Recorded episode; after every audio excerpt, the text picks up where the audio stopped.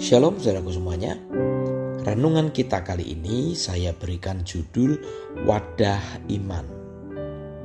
Saudara, kali ini kita akan belajar dari kisah tiga orang raja, yaitu Yosafat, Raja Yehuda, Yoram, Raja Israel di Samaria, dan Raja Edom.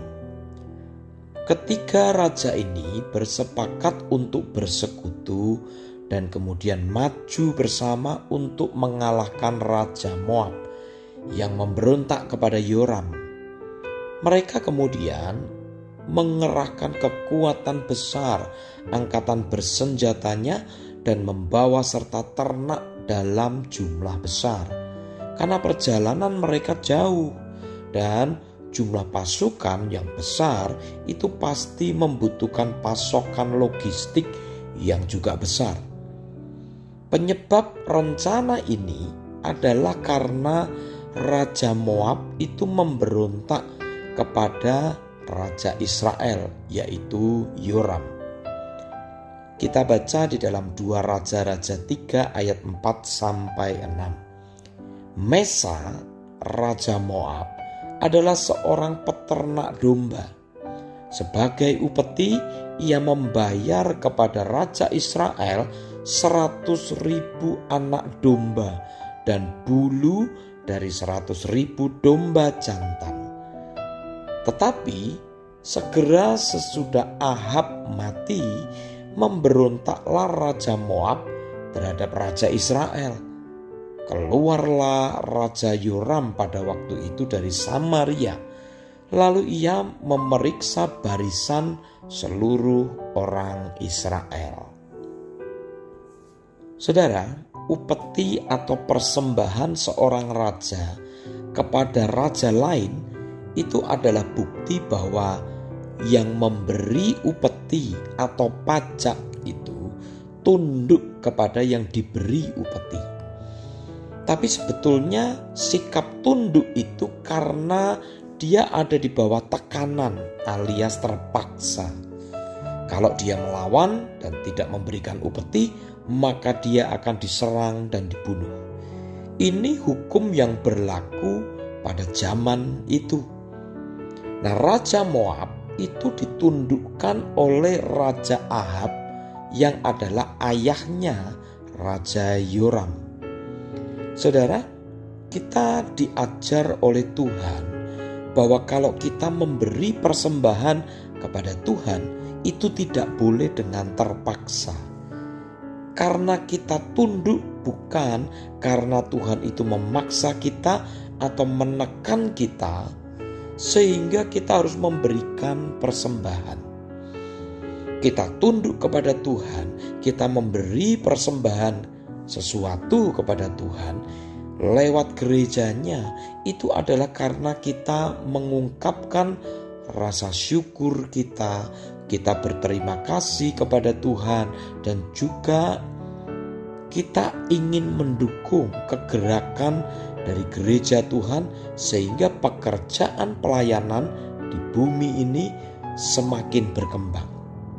Ini adalah sebuah motivasi yang jauh berbeda dibandingkan dengan sikap Raja Moab yang tunduk dan memberi upeti karena terpaksa.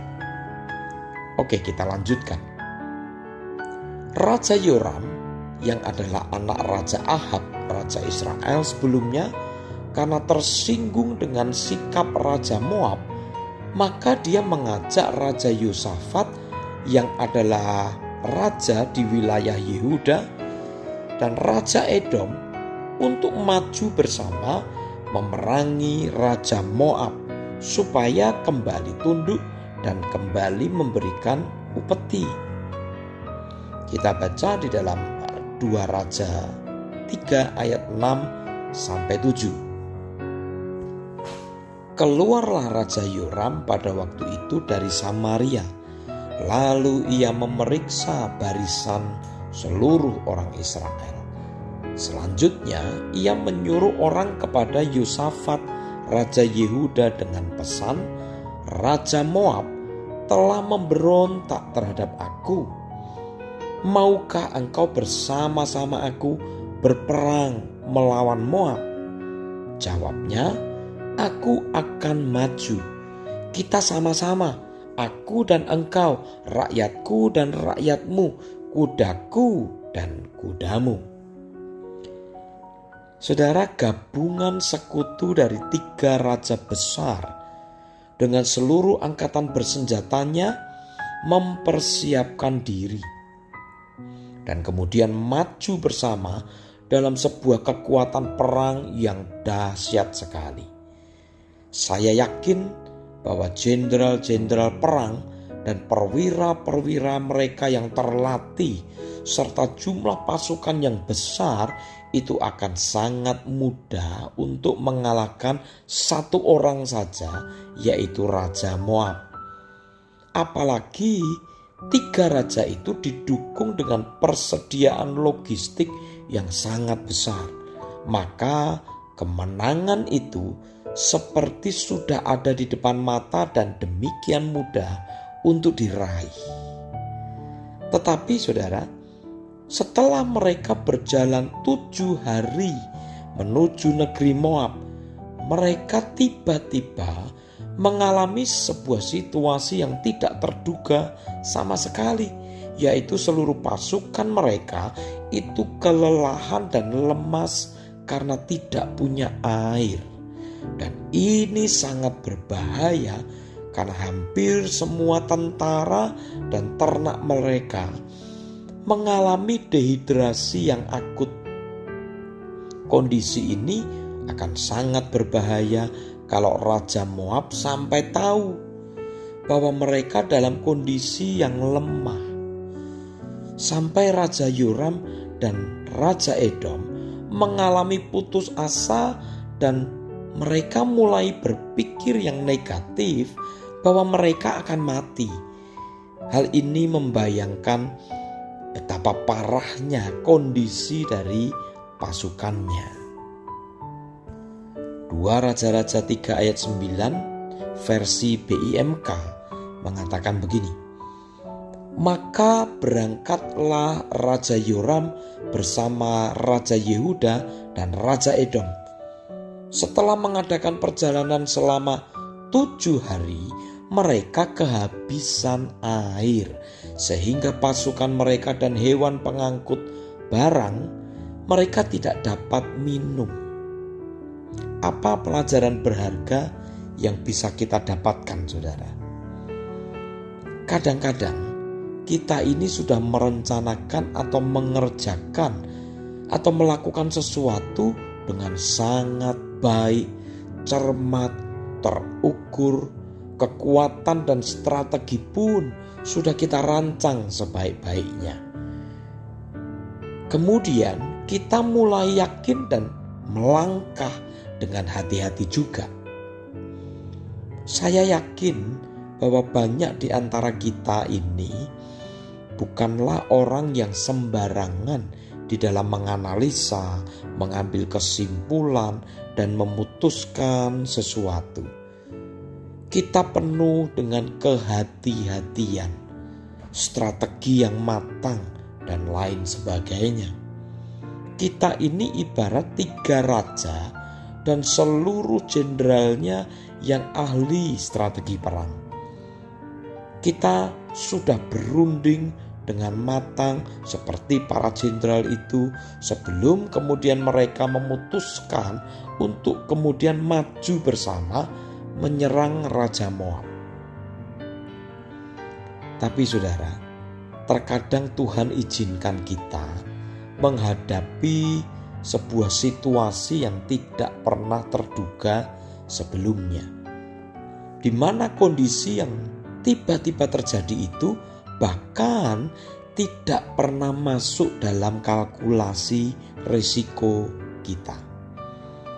Tapi, saudara, justru yang tidak masuk di dalam kalkulasi itu, itulah yang kemudian tiba-tiba memporak-porandakan semua yang sudah kita siapkan dan kita lakukan.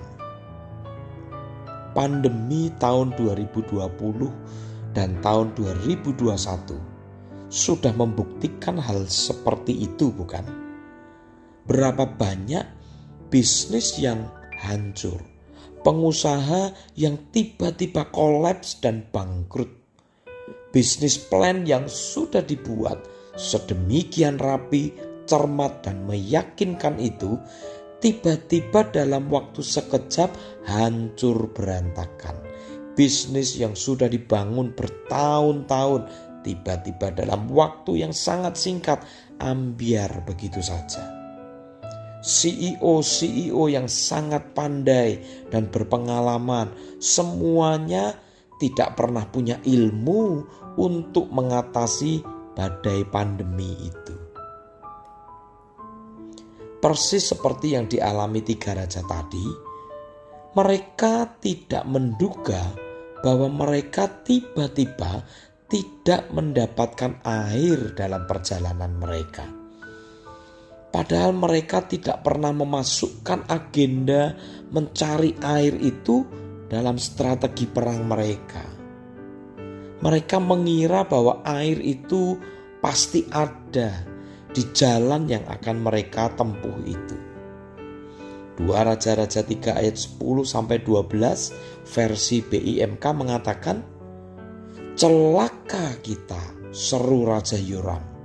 Tuhan telah merencanakan untuk menyerahkan kita bertiga kepada Raja Moab. Ayat 11 Raja Yusafat bertanya, apakah di sini tidak ada nabi yang dapat bertanya kepada Tuhan untuk kita. Salah seorang perwira dari tentara Raja Yoram menjawab, "Ada Elisa, anak Safat.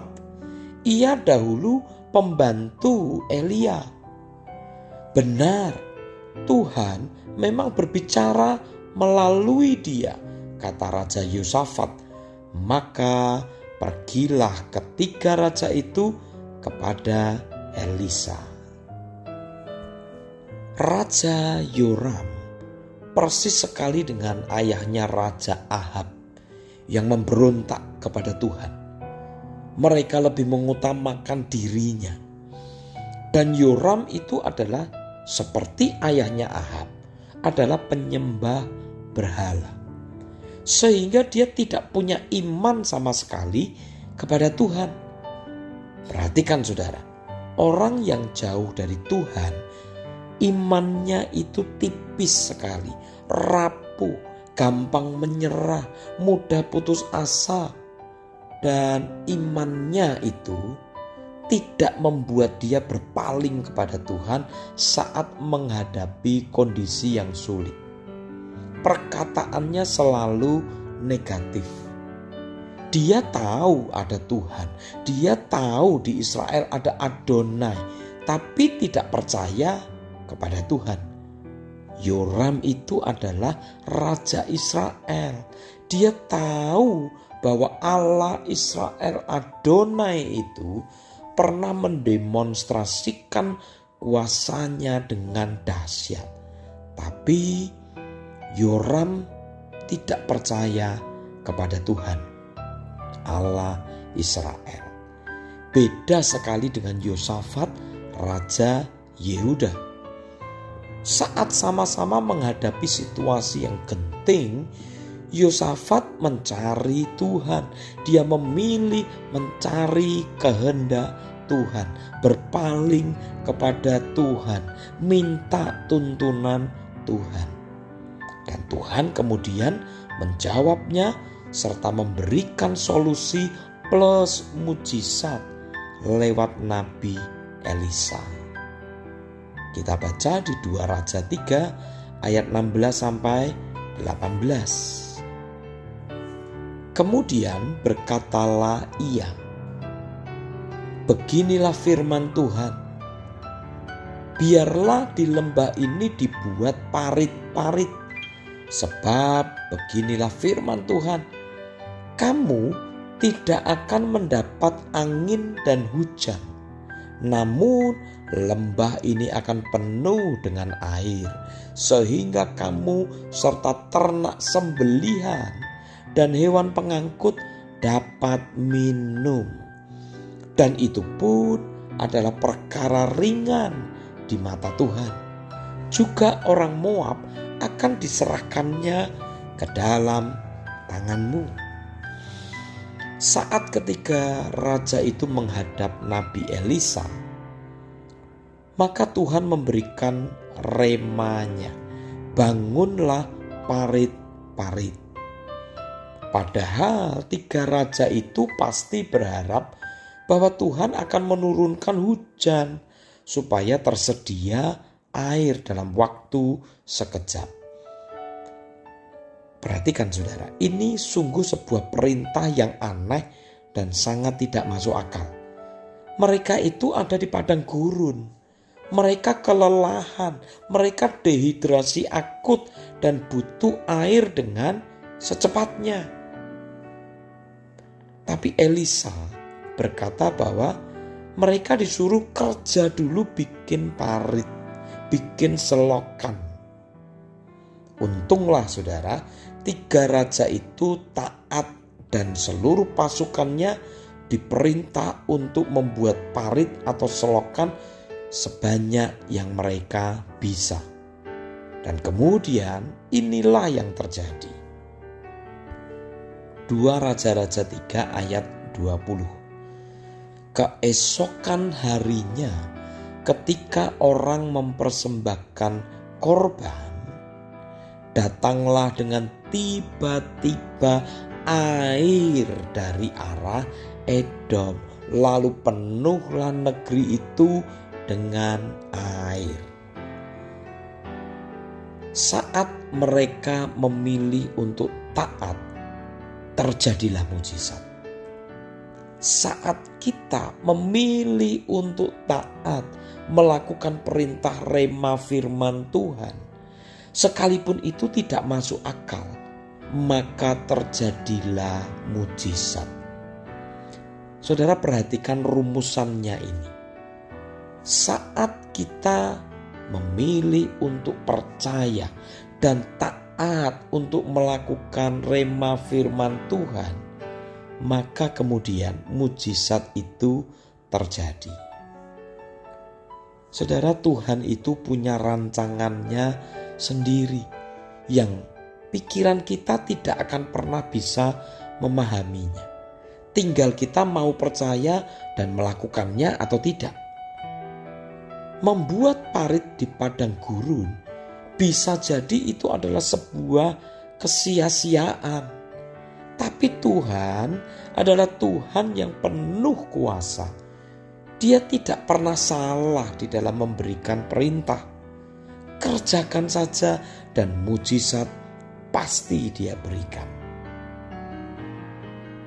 Saudara, apa sih yang dimaksud dengan parit itu? Parit itu adalah selokan, tempat di mana air itu akan tertampung dan kemudian dialirkan.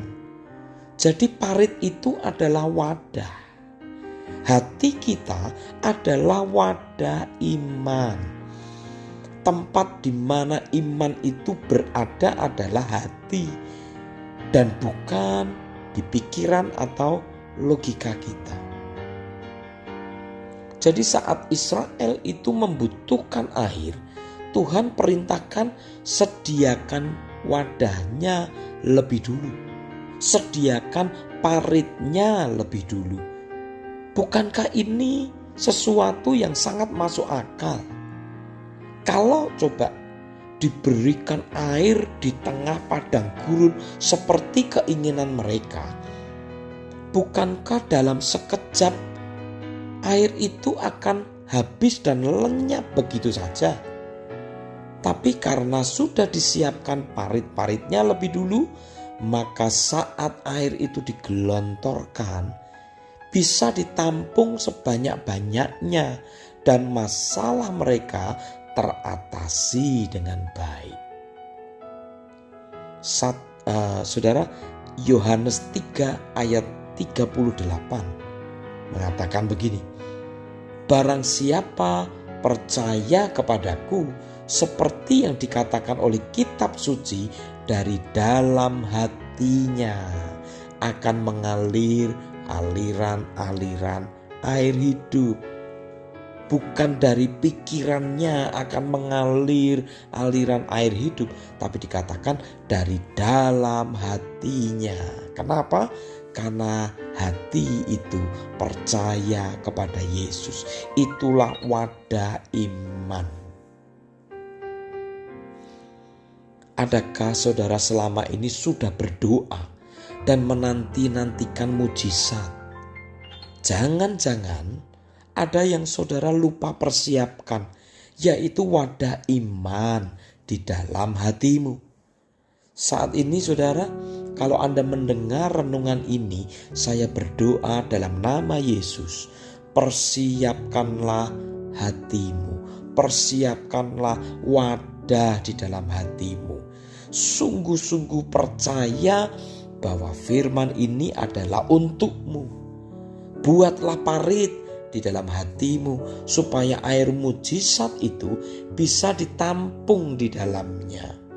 Air kesembuhan, air pemulihan, air kesegaran, air terobosan, terima dalam nama Yesus.